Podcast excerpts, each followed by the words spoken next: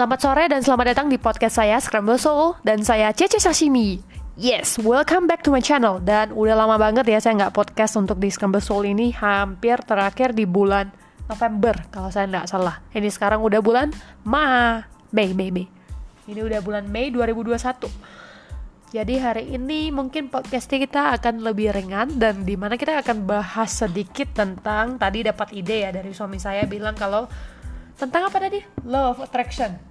Kekuatan pikiran. Uh, kekuatan pikiran ini ya. Kekuatan pikiran mungkin kita bisa juga kaitkan dengan topik buku The Magic ini ya. Karena ini juga menggunakan kekuatan pikiran. Jadi di sini kita coba lamsam untuk memilih, memilih salah satu topik yang akan kita bicarakan ya. Jadi untuk topik yang akan kita bicarakan coba biar dipilih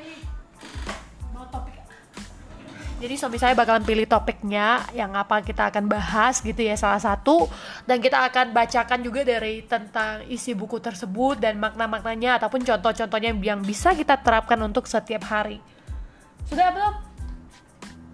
Udah dapat, say? Menghitung karunia. Kalau nggak salah ini hari pertama kalau nggak salah.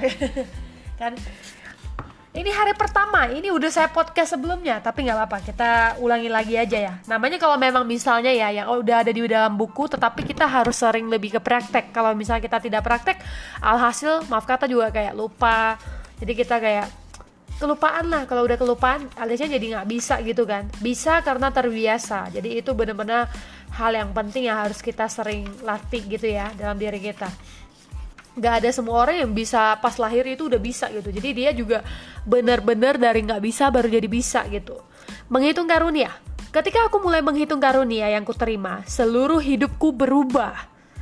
Nah contohnya bagaimana cara kita bisa menghitung karunia? Misalnya dengan kalau pas misalnya kita bangun pagi nih bangun pagi dan kita bersyukur Ya Tuhan, terima kasih atas napas yang telah diberikan sehingga saya masih bisa hidup sampai sekarang ini ataupun ya Tuhan terima kasih atas kesehatan yang telah diberikan sehingga saya masih sehat-sehat saja sampai saat ini. Ini benar-benar kunci yang kadang kita nggak sadar kalau misalnya di dalam sekeliling kita kita bisa syukur. Tetapi kita lupa akan hal tersebut. Saking kecilnya yang padahal kita bisa hitung untuk bersyukur kita lupa akan hal tersebut. Ataupun juga contoh yang paling simpel kita juga bisa bilang Ya Tuhan, terima kasih karena sekarang keluarga saya masih lengkap, sehat, dan bahagia. Itu penting banget juga, benar nggak? Di luar sana juga masih banyak teman-teman yang udah keluarganya udah nggak lengkap, ya keluarganya juga masih lagi susah ataupun ya Tuhan terima kasih atas tempat tinggal yang saya tempatkan yang masih bisa saya tempati sehingga masih nggak kena hujan nggak kena panas. Ya Tuhan terima kasih atas kerjaan yang saya dapat di masa-masa corona ini sehingga saya masih bisa menafkahi keluarga saya. Kembali lagi kita harus ke syukur gitu. Walaupun memang ada sisi negatifnya ya tetapi anda coba tarik balik apa hikmah yang bisa kita dapatkan dari hal-hal kecil ini gitu. Dan kalau misalnya Anda bisa menghitung hal-hal kecil ini ke dalam karunia, berarti Anda sangat luar biasa. Ya. Jadi salah satu contoh ini juga bisa beberapa ide untuk menulis daftar Anda. Saya sungguh-sungguh mendapatkan karunia karena memiliki contoh, saya sungguh-sungguh mendapatkan karunia karena memiliki rumah dan saya bisa tinggal di rumah tersebut sehingga saya tidak kepanasan, tidak kehujanan. Nah, ini salah satu contoh yang bisa kita tulis, terapkan gitu. Coba latih aja teman-teman kalau misalnya untuk setiap hari minimal tulis 10 syukuran untuk menghitung karunianya. 10 syukuran saja yang kita tulis. Ya. Dan subjek syukuran ini sangat ajaib. Anda bisa mulai dari kesehatan, pekerjaan, uang, relasi, gairah, kebahagiaan, cinta, kehidupan, mau ke, eh, untuk syukur tentang alam, bumi, udara, air, benda-benda material, apa pun subjek pilihan Anda. Yang penting subjek tersebut bisa membuat Anda merasa syukur and that's enough. Itu saja yang paling penting. Ya.